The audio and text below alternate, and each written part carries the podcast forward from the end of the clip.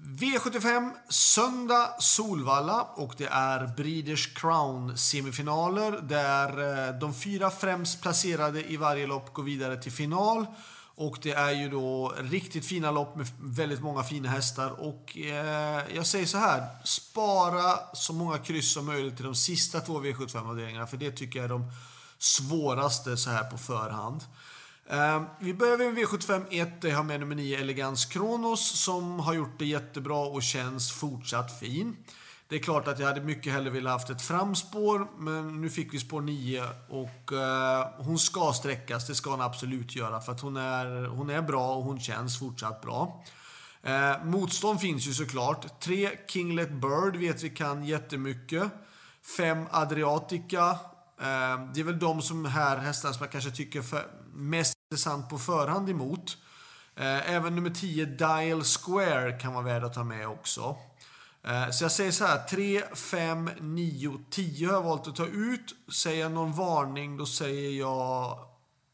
Nästa häst är väl 2, Naomi Bro, som ändå har gjort en jätteuppryckning på slutet eh, här på, på säsongen. Så att hon har ett bra utgångsläge. Skulle kunna vara roligt streck i alla fall i sådana fall. Men 3, 5, 9, 10 är utgångsstrecken. V75 2, vi spikar nummer 5, Star Macro. Um, ehm, han har ju för en gångs skull ett skapligt utgångsläge. Han har ju haft många dåliga utgångslägen.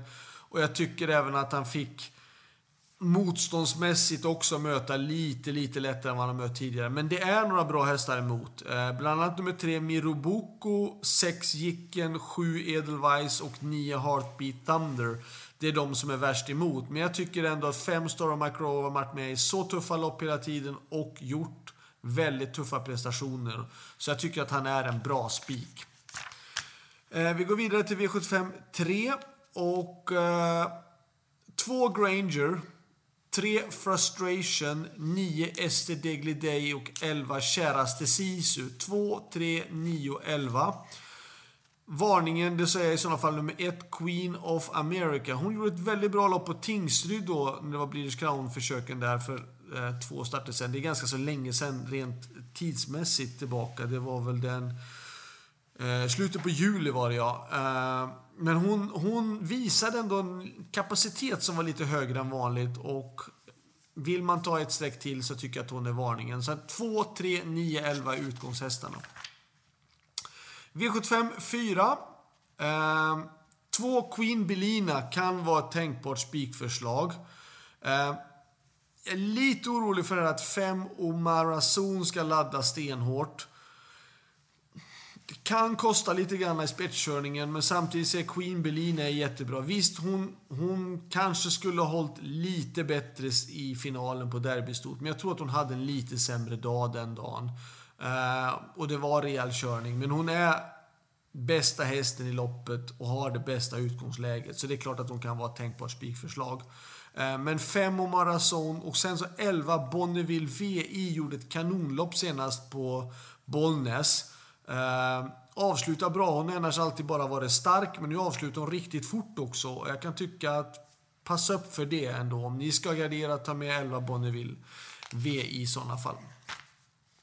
V75 5.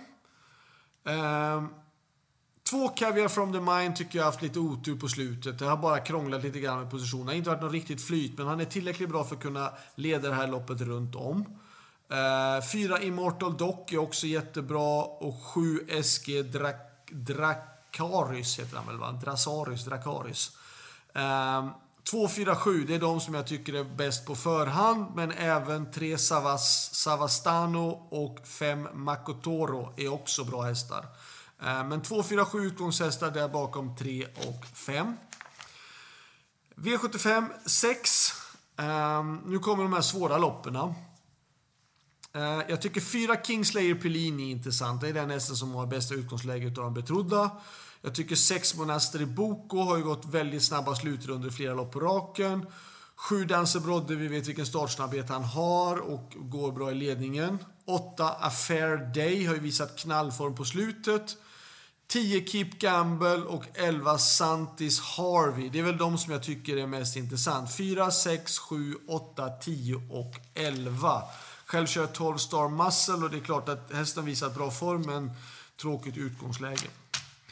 V75 7, sista avdelningen. Eh, tre Hustle Rain sviktade i eh, derbykvalen. Var ju fantastiskt fin när han vann Sprintermästaren, men inte alls är lik i derbykvalet. Eh, nu är han tillbaka och har fått ett bra utgångsläge och han är snabb ut och det är klart att han kommer leda det här loppet väldigt länge tror jag. Eh, jag tycker ändå man ska även passa upp för nummer ett Global Dubé som kanske skulle kunna få vinnarhålet. Fyra It's Pepper Time. Fem Bengan som har haft lite stolpe ut. Eh, sju Combat Fighter tycker jag är varningen att passa upp för. Åtta Working Class Hero tror jag är tillbaka i gammalt bra form. Han kändes jättebra på Bollnäs. Lite, lite ringrostig. Han är säkerligen förbättrad den här gången. Eh, visst, det är klart jättetråkigt att få spår 8 då. Men jag tycker att han är tillräckligt bra ändå för att kunna vinna ett sånt här lopp. Eh, 10 Horses Crazy Horse är bra också då. 11 Bedazzled Sock som ändå har varit årgångsstopp hela tiden. Så att ganska, eller väldigt många streck i den sista avdelningen. Så att 1, 3, 4, 5, 7, 8, 10 och 11. Så det var allt. Lycka till så hörs vi vidare. Ha det bra. Hej då!